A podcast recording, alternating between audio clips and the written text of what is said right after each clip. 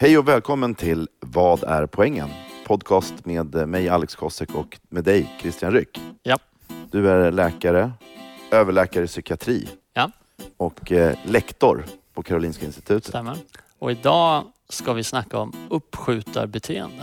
Precis, jag kan inte ens uttala det roliga ordet. Pro prokrastinera. Ja, Jag snubblar på det hela tiden. ja det är ett svårt ord. Fast det är inte det. Men, men det är som att jag har liksom tics. När varje gång jag ska säga det så stannar min hjärna upp och så, så Ja. fokar jag på det.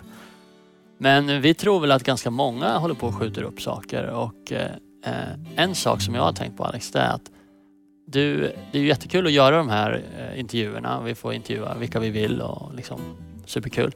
Men sen att klippa dem som du måste göra, Mm. för jag gör inte det. Nej.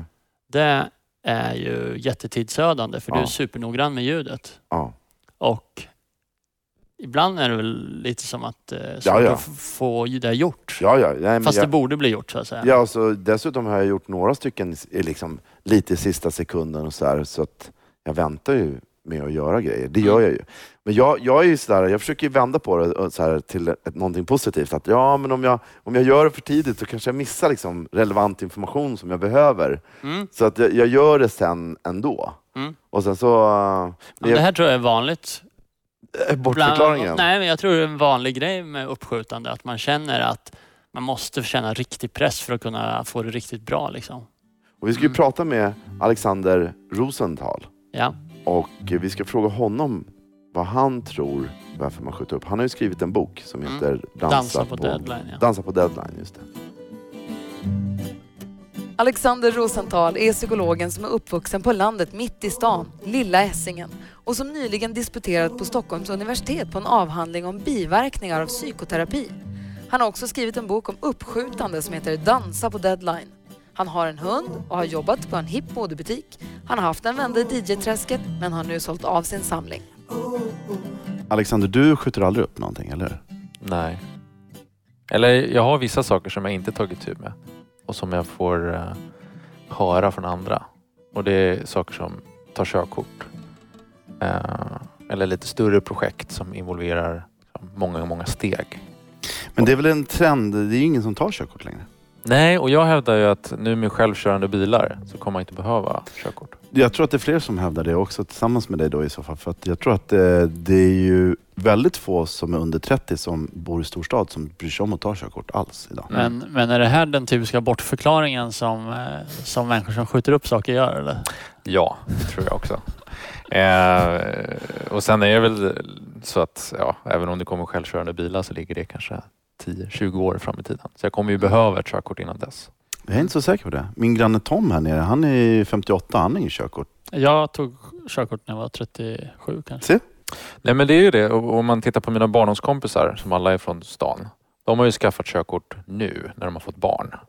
Mm. Eh, Så att innan dess har de ju inte sett värdet i det. Mm. Apropå att skjuta upp. Om man inte ser vinsten i det man ska göra, men då lämnar man det åt sidan. Och så kanske det är för mig med körkort, för jag ser inte riktigt vitsen med att ta, det. Liksom. Vad är poängen med att skjuta upp? Kortfattat att slippa någon form av obehag eller olust eller att eh, bli av med någonting som man inte vill ha för stunden. Eh, och hellre välja någonting som känns mer tillfredsställande. Och i det ligger också att det man skjuter upp är ofta sånt som är betydelsefullt på längre sikt. Men eh, det man gör istället, det är det som genererar någon form av belöning på, på en gång. Så man ser vinsten i det man gör mycket snabbare eh, med det man ägnar sig åt istället. Men min granne till exempel som är en superhändig eh, typ. Jag kan också säga att de kallas av en annan gäst som vi haft i den här podden för Snygga paret, han och hans fru. Eh, han berättar för mig att han jobbar då i mediebranschen som väl många personer enligt din bok i alla fall eh, som har de här problemen kanske håller på, hamnar i de här problemen. Att han har en deadline varje vecka. Han lyckas skjuta upp den deadlinen förbi deadlinen till en verklig de- deadline, det vill säga när saker går i tryck. Och han gör alltid, han gör varje vecka det sista kvällen liksom. Eh, och han tycker själv att det är ineffektivt sätt att jobba på. Men det blir ändå så varje vecka ut. Ja.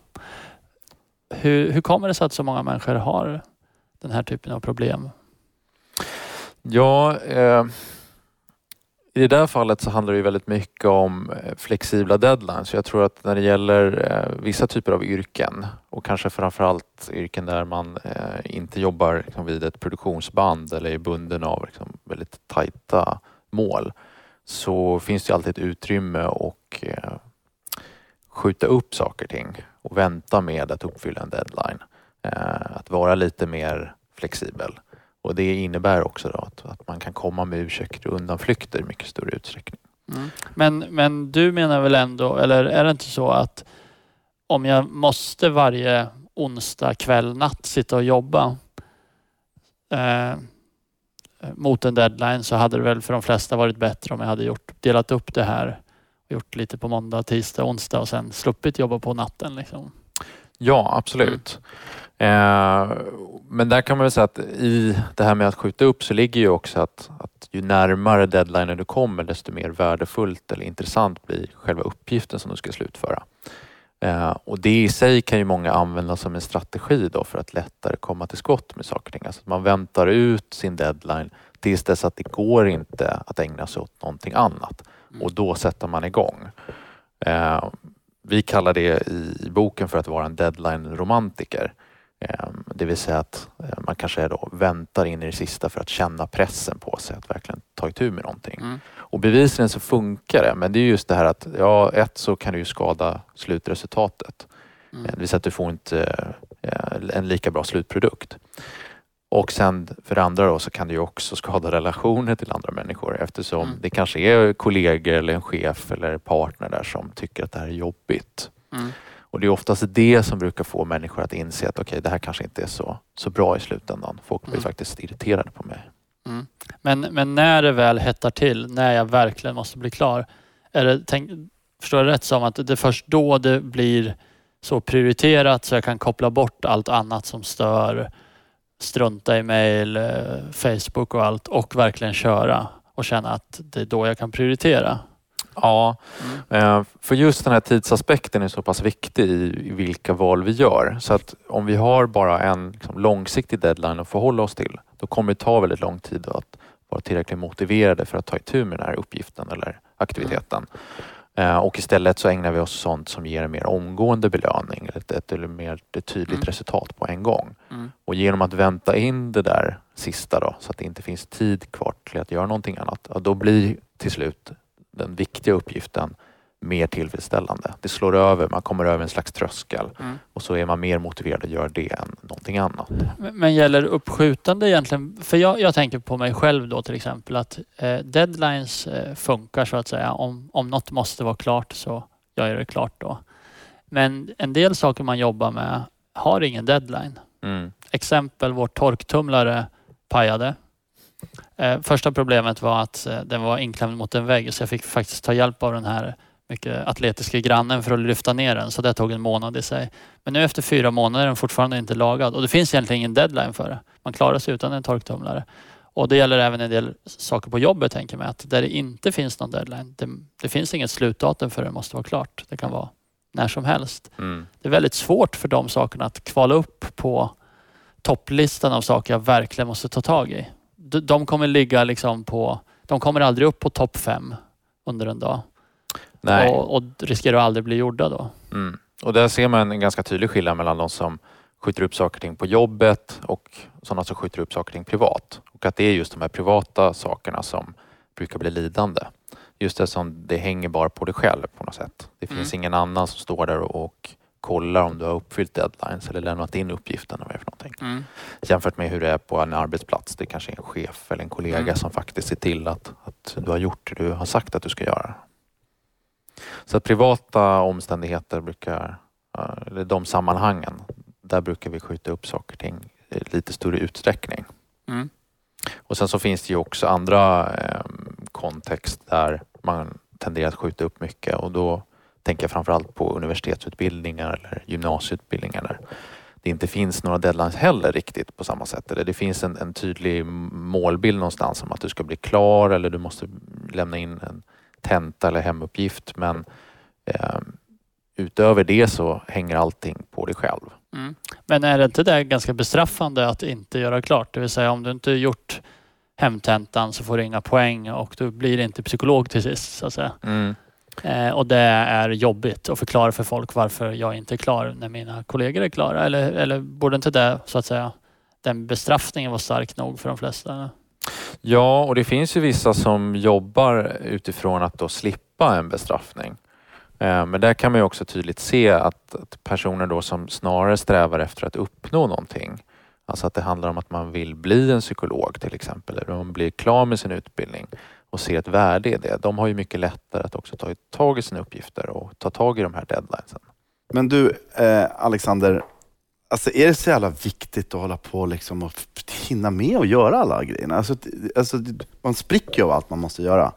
Man ska liksom träna, man ska hinna läsa allting, man ska sätta alla tv-serier för att man hinner inte med och man ska liksom vara social på jobbet och så här. Är det inte så att vi bara lägger upp för mycket mål? Ska vi, borde inte vi vara bättre på att bara skita i vissa saker? Eller liksom, är inte, är inte problemet att vi hela tiden stoppar in massa grejer i våra, i våra liv och så det är därför vi inte hinner med att göra allting. Och det är därför vi måste göra allting i sista sekunden. Är det inte det snarare? Eller? Ja, det finns ju det problemet också och det är lite intressant när vi har eh, studerat det här, både vad gäller liksom, behandling för personer som skjuter upp saker och ting väldigt regelbundet, Mm. men också när vi gör undersökningar för att se hur pass förekommande det här är. Att det finns människor som säger att men mitt problem är ju inte att jag skjuter upp saker och ting utan snarare att jag har för mycket att göra och så blir jag väldigt stressad av det. Dålig på att prioritera då eller? Ja, för om man tittar på prokrastinering och, och tänker sig att det är, är någon slags glidande skala från de som skjuter upp saker kring jättemycket, hamnar hos Kronofogden eller liknande, så har vi i den andra änden av skalan personer som då tar tag i allting på en gång och kan ha svårt att se angelägenhetsgraden i olika saker. Och då är det klart att man blir väldigt stressad av det också. Det finns till och med en term för det här som kallas för prekrastinering. Då. Att man måste ta tag i saker och ting innan morgondagen. Ska vi Och- re- reda ut det här svåra ordet bara? Prokrastinering. Vad, Ja. vad betyder det och vad, vad kommer det här konstiga ordet ifrån? Ja, det kommer egentligen från latinets pro och crastinus, så eh, till förmån för eller av morgondagen. Eh, alltså att man väntar med någonting tills imorgon kan man säga. Eh, sen är det jätteknäppt att, att säga på svenska och de flesta vet inte vad det betyder men det är, liksom en försvenskad variant av engelskans procrastination där det är mycket mer vanligt förekommande. Men du, du, vi skulle ses tio idag. Och du skickade ju att du hade kollat upp eh, vägen hit och att du anländer till tunnelbanan 09.37 och sen så hade du gett ut utrymme för att du skulle kunna... Du har ju aldrig några problem med att skjuta upp saker, eller hur? Nej, Alltså du är ju den gästen som har varit, av alla, och dessutom så har du ju ändå skrivit en bok på ämnet, så är du ju också den personen som har liksom budgeterat för att komma i tid. mm, Och du, och du har sagt att man ska planera för det värsta och hoppas på det bästa. Mm. Är det så du tänker, eller? mm. Jo men precis, jag lägger in en, en, ett litet utrymme för oväntade Wiggle room liksom. Så här. Ja, nej men jag, jag vet inte. Jag har nog fått med mig det där sen tidigt att man ska göra saker och ting på ett visst sätt. Alltså Mm. skapa en struktur. Jag blir retad av mina bröder för det här hela tiden. men eh, jag tänker att eh, för många människor så har man ju fått det naturligt någonstans. Att föräldrarna har sagt att men du får spela dataspel efter att ha gjort läxorna. Och, så vidare. och då faller det sig också naturligt sen när man blir vuxen. Men, men eh, är det, eh, skulle man kunna, finns det några, någon forskning eller något som talar för att människor som skjuter upp är lite härligare människor än de som inte skjuter upp? Är roligare eller jag spontanare? tänkte Eller, precis, det är roligt att du jag, säger jag det tänkte, Christian. för Alex eh, försöker kanske antyda där redan. Eller är det bara en slags romantisering av ett problem liksom? Jag menar, hur sexigt är det om du går på dejt och din tjej som du ska dejta står tio minuter innan utsatt tid under svampen vid Stureplan? Och är inte det liksom lite så här Det skulle inte Härligt, störa de mig bara- alls. stormar in där när du och så så de så här, ja hej och så här. Eller finns det någon värdering? Jag försöker bara se om det finns någon fördel med att vara lite sen i allting. Jag försöker förskö- försköna det. Är det så att du också kommer sent då ibland? tio minuter, alltid i hela mitt liv. Fast du inte varit på dejt på länge. Nej men deadline så. Ja, alltså, det finns ingen forskning som pekar på, eller inte vad jag vet i alla fall, att sådana som skjuter upp saker och ting eller kommer sent skulle vara härligare som, som individer. Men jag tror att många använder sig av det som ett argument för att eh, liksom, ursäkta sitt beteende lite grann. Ja. Och jag har också hört väldigt Typ att ofta... fantastiska konstnärer skulle gjort så. Liksom. Ja, Mm. precis. Mm. Och lika så att ja, men jag vill vara mer spontan. Det är sånt här Mm. typiskt. Persbrandt är inte tio minuter innan ett möte så står inte Persbrandt där liksom, och väntar på... Säg inte det nu kanske han gör det. Ja. Nej, jag, jag, Nej, och, och jag tänker i vissa konstnärliga kretsar så kanske det finns en större förståelse för att man, man eh, missar deadlines eller kommer för sent och så. Mm. Men det intressanta är att folk använder det här argumentet att jag vill vara mer spontan. Men när man frågar om vad det handlar om så är det ju ofta så att jag vill ha utrymme för sociala aktiviteter eller nöjen och så vidare. Men faktum är att många av de sakerna som vi tycker är roliga att ägna oss åt på fritiden, det är ju sånt som vi måste planera för också. Så det här med att vara spontan, det kanske snarare är så att det behöver man sätta upp i sitt schema också för att få utrymme för det. För annars står man ju bara där och väntar på att det ska finnas ett tillfälle att vara spontan. Då. Mm. Och då blir det inte särskilt spontant heller tror jag. Så eh, planerad spontanitet. Ja, jag tror det. Om man nu tycker att det är viktigt att ägna sig åt vissa saker Ja. och det är svårt att få in, Mm. ja då kanske det är planeringen som Mm. man behöver få till. Så, eh, för är det planeringen som är botemedlet för det här uppskjutandet? Eller vad? Till väldigt stor del är det. Mm. Eh, och där är det ju så att vissa eh, har det här naturligt. Just på grund av att man kanske har lärt sig det tidigt eh, och skapat en struktur för hur man tar itu med uppgifter och aktiviteter. Mm. Medan andra behöver träna sig på det. Och då handlar det väldigt mycket om att göra de här sakerna som vi, eller många tar för givet. Alltså att ha en kalender, eh, strukturera sin vardag, bestämma sig för när man ska ta itu med vissa saker. Eh, alla de grejerna är väldigt effektiva om man ska ta tag i grejer. så, så, så man kan väl sammanfatta att det är någon form av dålig ovana eller en vana som, som det kokar ner till. Alltså att man brukar komma sent, det är för att man, är ganska, man, gör lik, man gör samma fel hela tiden så att säga. Är det det det är ungefär? Va, en, det är en, Ja. det är en fråga om planering, men det i slutändan resulterar i någon form av vana i hur man hanterar saker inför framtiden. Ja, När man ska planera något. och jag vill hävda, och utifrån den forskning som finns, att det är mer av ett beteende än ett personlighetsdrag. Sen så finns det ju såklart vissa saker som har ett samband med svårighet av att ta tag i saker. Eh, till exempel då om man skattar väldigt högt på eh, någonting som man skulle kunna kalla för impulsivitet. Då. Eh, ja, då ligger det liksom någonstans naturligt att man kanske har svårare att sätta sig ner med någonting eh, där belöningen i att göra det ligger långt fram och så sysselsätter man sig med någonting annat som känns mer omgående belönande. Då. Men jag som är då, eh, tycker själv inte att jag jätte, skjuter upp jättemycket, men om du frågar min fru så skjuter jag upp saker. Så för att göra henne glad, hur skulle jag kunna bättra mig? Eh, jag till exempel, jag gör allting i sista sekunden. I alla fall framförallt hushållssysslor, men jobbet är, funkar ganska bra, för där har jag ändå lite så här, det finns ju en arbetstid, jag ska ju jobba på min arbetstid, så där kan jag ändå kontrollera lite och lägga upp liksom så här, vad är viktigt den här veckan. Men på den privata sidan så, så skjuter jag upp saker hela tiden. Finns det någonting du kan hjälpa mig med där? Finns det något så allmänt som du kan få mig att fundera på? Eh, ja, och då kan det vara värt att bara kort förklara varför vi skjuter upp saker och ting.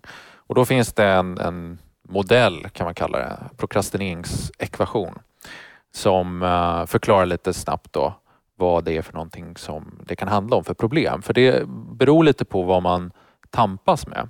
För det finns fyra faktorer som påverkar varför vi kommer till skott med någonting överhuvudtaget. Och det första handlar om värdet. Så det måste finnas en belöning eller morot där för att vi ska känna oss intresserade av att ta tag i någonting. Men det påverkas också av förväntan, det vill säga om vi tror oss kunna nå det här värdet. Och det kan vara saker som att det är en ny uppgift så att förväntan att lyckas är ganska låg till exempel. Eller att man har lågt självförtroende eller liknande. Då. Sen så påverkas det här också av tiden. Och då är det så att ju längre fram i tiden som en belöning eller värdet av någonting infaller, desto mindre motiverade är vi idag. Och det gör ju att vi hellre väljer det som är omgående belönande. Och sen en sista faktor som handlar om känslighet för fördröjning eller impulsivitet. Och där vi är lite olika. Så vissa personer kan sätta sig ner, göra någonting som är tråkigt för att man vet att det är belönande längre fram. Andra klarar det inte utan tappar genast fokus och sysselsätter med någonting annat då, som känns kul på en gång istället. Så lite beroende på var någonstans problemet ligger i de här fyra faktorerna så kan man sätta in olika Ska vi åtgärder. ta de där fyra igen? För vilka var det nu? Ja, så värdet, Ja, det måste kännas viktigt liksom. det måste kännas viktigt. Mm. Förväntan, alltså tror jag mig kunna nå det här värdet? Mm. Tiden som återstår tills att som en deadline infaller. Och sen impulsivitet. Eller ungefär, Klarar jag av att liksom. Klarar jag av att vänta? Finns det många distraktioner runt Mm. omkring mig? Men jag hör ju att alla de fyra kan jag ju uppfylla på den privata sidan. För att det finns ju inget kontrollsystem som det finns på arbetet. Som man Mm. kanske har en chef eller det finns arbetsuppgifter som ska lämnas in och så där. Därför blir det ju lite svårare och kanske man tvingas till att göra. Men det, kanske, det kan ju förklara också för att jag känner igen alla fyra punkterna på en privat. För jag kan ju skjuta på tvätten. Jag, behöver ju, jag kan ju tvätta i sista sekunden, torktumla och ta ut kläderna som jag ska ha på mig ur torktumlaren. Det är ju ingen som kommer straffa mig för det ju. Och det finns ju egentligen ingen belöning i något av hushållssysslor. Mm. Det är ju bara någonting som en del av livet. Så jag, jag tycker att mycket Fast, av de där grejerna... fast du är ju, en av de bästa sakerna med att göra podcast med dig är att du ofta gör jättegod lunch. Tack så Så att du du verkar ju, du verkar ändå när det finns något, något värde och kanske något värde tillsammans med något annat. Då, då har du inga som helst problem att anstränga dig jättemycket för att göra en god lunch. du ska ju äta lunchen, så Ja. då gör jag ju den för att jag vill Så ju då har värdet ökat Precis, men om det enormt, bara är liksom. jag som äter lunch, då äter jag ju, direkt, då äter jag ju gröt direkt ur kastrullen.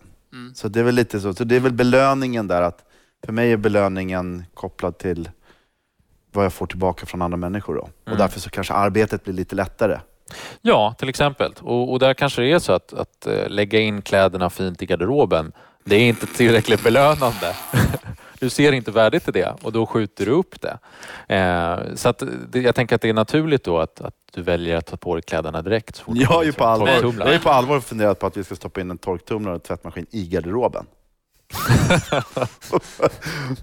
Men du har ju också haft idén att alla, alla liksom bestick och tallrikar ska alltid finnas i en... Diskmaskin ja. Att, att liksom, istället för skåp ska man ha gigantiska diskmaskiner Ja, eller fyra stycken diskmaskiner i, Ja. i, i, i köket. Ja. Och så har allting sin plats och så stänger man. Det är som att du skulle kunna diska i, kö- i alla skåpen bara. Då skulle Ja. du inte behöva liksom plocka ut och in. Ja, Men Alexander, en sak som jag ibland tänker på är att eh, en viktig sak för människor att förstå är lite grann hur man fungerar och eh, i vi- vilken typ av sammanhang man sen befinner sig. Jag Mm. tänker mig till exempel, är man en person som är väldigt bra på att vara supersocial, fånga upp eh, stimuli, alltså reagera på saker och så, då kanske man skulle bli akutläkare. Medan om man tycker, om man är en person som är väldigt bra på att eh, planera och kan göra tråkiga saker jättelänge, så finns det andra jobb som passar jättebra till en. Som forskare kanske. Som forskare inom vissa tråkiga områden, som epidemiologi. Eh, men men ehm, är, det här, är det här en romantisering av det? Att, att egentligen, eller menar du att de flesta människor faktiskt kan ändra sig i ganska stor grad vad det gäller det här? Det är en jättebra fråga. Eh, till viss del ja, men så, så kanske det handlar om eh, den här matchningen mellan hur man är som person och hur miljön ser ut på arbetet eller vad det är för någonting. Ehm, det finns vissa forskare som menar att fler och fler personer skjuter upp eller har problem med att skjuta upp saker och ting idag. Eh, delvis på grund av att tidigare så kanske det fanns fler jobb och arbetsplatser där det liksom inte gick att skjuta upp saker. Du jobbade på löpande bandet och sen var du klar, gick hem och ägnade dig åt det privata. Mm. Men idag så finns det ju färre och färre sådana miljöer och även väldigt enkla jobb om man ska hårdra det ehm, kräver ju idag planering, struktur, man ska sätta upp mål och så vidare. Och då kan man också tänka sig att fler människor får problem med det. Då. Mm. Så jag tror att det hänger ihop lite med hur miljön ser ut, absolut. Och också hur samhället ser ut då. Och det är kanske också en anledning till att fler och fler människor upplever stress idag. Eh, därför att den här tydligheten som fanns förut, att när du är på jobbet så jobbar du, eh, det finns inte kvar. Så gränserna mellan arbete och fritid har suddats ut och det blir också väldigt flytande när man ska göra vad och då kan man få problem med att ta tag saker i, i rätt tid. Då. Men en, eh, eh, jag, jag försöker, har många gånger försökt organisera om mitt arbete och eh, göra lite som du säger då att man eh, när man kommer på morgonen ska man redan ha satt upp tre uppgifter som man gör och inte styra så mycket av vad som händer så att säga. För det, det tror jag delar med många andra människor, den här svårigheten att hantera inkommande saker. Mail, sms, uppgifter, folk som går förbi och säger saker samtidigt som jag försöker göra något som tar fyra timmar att göra. Och då blir det där svårt att genomföra. Men jag tänker mig att den här blir det inte lite som att säga till någon som är väldigt överviktig att de ska träna? Det vill säga att de personerna som har lite svårare för det här har också svårare att skapa den ordning som behövs och upprätthålla den ordningen sen. Mm. För jag menar, du, du eh, har ju gjort så här sedan barnsben och för dig är det självklart. Men för den som inte tycker det är självklart, hur, mer än att man kommer på de här idéerna, hur ska man klara av att fortsätta göra så sen? Hur, hur får man det här Mm. att funka på lite längre sikt? Ja, det har du rätt i. För att det är ju en vana som man har lagt till sig. Eh, Och det betyder också att det tar väldigt lång tid att förändra den. Mm. Eh, Så att man ska inte se det här med att alltså, bryta ett mönster av, av uppskjutande som en, en grej man kan göra över en natt. Utan att det handlar om att man ska lägga till sig nya beteenden som man kanske inte är riktigt van vid. Eh, Och det kan ta väldigt lång tid. Eh, Så att jag skulle säga att man måste nog ta några saker i taget, jobba med dem, testa hur det funkar, utvärdera resultatet och sen se, ja, men hjälpte det här mig att lättare komma till skott med saker och ting? Ja, okej, då kan jag fortsätta med det. Och kanske att fokusera på det som är lättast att ändra. Jag brukar alltid rekommendera människor att okay, men börja i änden av att ta bort sånt som distraherar dig. Alltså välj en plats och en tidpunkt på dagen där du jobbar som bäst. Eh, och så utgår vi från det. Och sen så kan vi jobba med sätta mål på rätt sätt eh, eller jobba med självhävdelse om det är svårt att säga nej till uppgifter. Sånt som kanske tar lite längre tid och större ansträngning.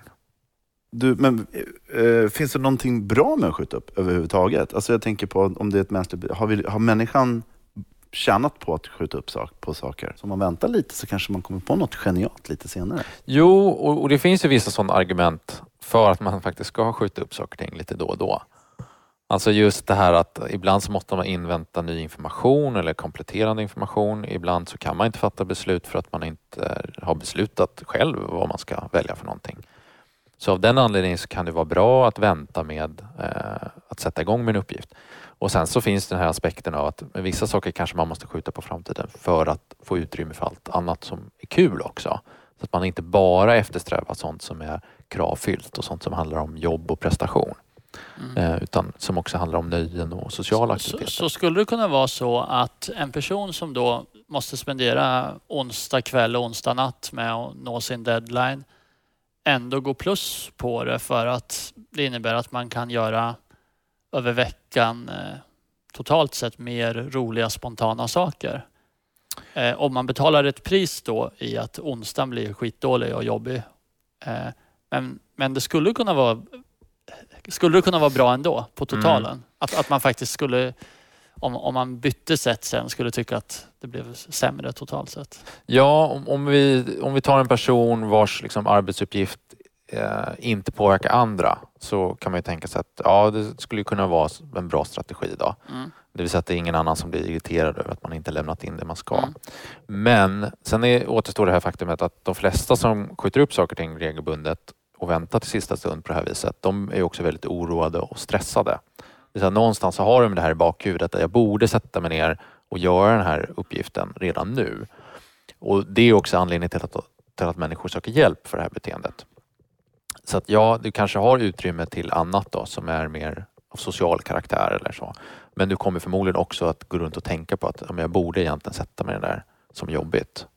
Och det är inte så kul. Det som du kallar prokrastinering på finspråk eller uppskjutande då. Det är väl, eh, det, det är väl ingen diagnos, eller? Nej. Nej, eh, och det är ju också svårt att fastställa vad det är för någonting som man kan behöva hjälp med eftersom det finns så många andra eh, liksom psykiatriska diagnoser där problemen är väldigt snarlika. Så har man till exempel en pågående depression så ligger det lite i sakens natur att man har svårt att komma till skott med saker Mm. och ting. Då. Eh, Så då kan ju problemet snarare vara att man är deprimerad. Och likaså finns det många alltså neuropsykiatriska funktionsvariationer som innebär att man har svårt att koncentrera sig eller man är Mm. impulsiv, då, Mm. som ADHD. Mm. Och då handlar problemet snarare om det än Mm. uppskjutande. Men så finns det då personer som saknar de här färdigheterna vad gäller att strukturera sin vardag, sätta mål på rätt Mm. sätt och så vidare. Och då kanske det handlar mer om så renodlad prokrastinering. Men att fastställa det, det är ganska svårt. Mm. Eh, Och då kan man behöva också kolla lite efter de här andra sakerna. Är personen deprimerad? Finns det andra problem där som man Mm. måste ta tur med först? Mm. Har du några konkreta tips för hur man ska göra om man själv känner igen sig i de här uppskjuta beteendena? Ehm, jag skulle säga att en av de första sakerna man kan göra är att helt enkelt jobba lite mer med att man bestämmer på förhand vad man ska ta itu med och när. På engelska pratar man om pre-commitments. Alltså att man fastställer att ja, men på onsdag klockan 10 då ska jag sätta mig ner och skriva det här PMet. Eller städa trädgården eller vad det nu kan vara för någonting. Mm. Ehm, Så att man på förhand har fastställt tid, plats och liksom dag för Okej. att ta itu med någonting. Och då minskar också utrymmet för alla de här ursäkterna och undanflykterna. Då. En annan sak som kanske framförallt gäller då personer eh, som jobbar på kontor eller inom tjänstesektorn på något sätt. Eh, Att ta bort så många distraktioner som möjligt. Alltså att sitta i en miljö som är eh, helt och hållet inriktad på det du ska ta itu med. Så att ha inte massa program uppe på datorn som inte handlar om eh, sitta och skriva i ordbehandlaren till exempel. Eh, eller sitt inte i ett kontorslandskap om du vet dig att du blir störd av kollegor. Eh, alltså ta bort sådana distraktioner. Ett tips som jag har hört där är ju stänga av internetkopplingen till exempel medan man jobbar i 45 minuter. Ja, precis. Och, och där finns det många exempel på, apropå det här med konstnärer och, och inte hålla, hålla tider och sådär. Eh, de som är väldigt framgångsrika författare och liknande, det är ju de som faktiskt eh, har de här typen av strategier. Alltså att de sätter sig och jobbar på en dator som inte har internetanslutning till exempel. Så att det funkar ju bevisligen. Eh, någonting annat som jag tror många glömmer bort det är just när är det man sätter sig ner med sin uppgift då, som man ska göra. För att vi är väldigt känsliga för det här med huruvida eh, vi är trötta och pigga nog att ta itu med något som känns jobbigt. Och skjuter man på någonting i stor utsträckning då hamnar man någonstans på kvällstid där man redan är väldigt trött och så ska man sätta sig ner med någonting man absolut inte vill göra och då blir tröskeln så att säga mycket, mycket högre.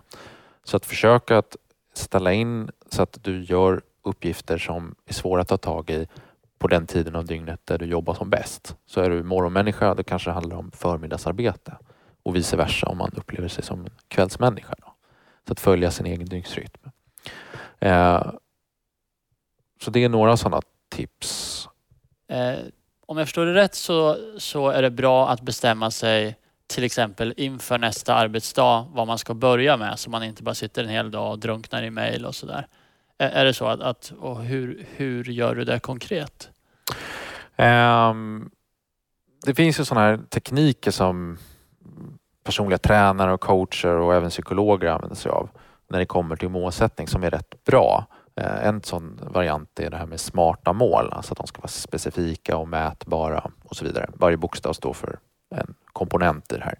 Ehm, jag tycker att mycket av det är lite onödigt. Vad det handlar om är att vara så specifik som möjligt för att just undvika det här med att komma med ursäkter. Eh, Så att man fastställer till exempel då vilken tid man ska göra någonting, vilken dag och vilken plats egentligen. Mm. Och sen att man också fastställer ja, men, under hur lång tid ska sitta med min uppgift då, så att man inte svävar iväg och eh, jobbar ineffektivt. Mm. Och då kanske det är att ja, men på onsdag klockan 10 till 11.00 ska jag sitta och skriva på det här PMet som måste iväg till min chef till Mm. exempel. Då blir det väldigt tydligt och också mätbart. När gör jag det och har jag gjort det? Så att man Mm. får ett tydligt eh, bevis för att man är klar. Och, och, det, och det allmänna flödet av information, sorterar upp det på något särskilt sätt? Har du liksom en timme per dag där du svarar på mejl eller, eller eh, avbryter du dig själv för sådana saker hela tiden? Ja, jag försöker hålla mig till att eh, schemalägga det. Mm. Kanske inte i kalendern men i alla fall i huvudet.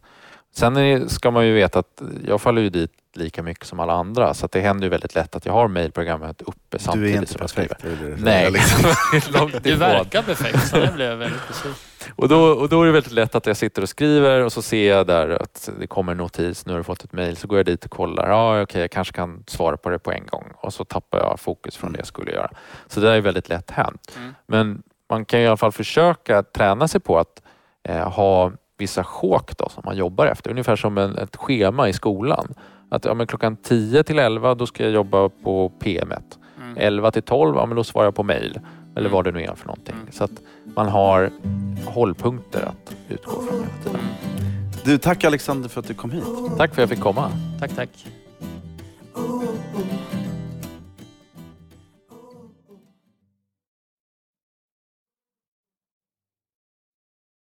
Ett poddtips från Podplay. I podden Något Kaiko garanterar östgötarna Brutti och jag, Davva, dig en stor dos skratt. Där följer jag pladask för köttätandet igen. Man är lite som en jävla vampyr. Man har fått lite blodsmak och då måste man ha mer.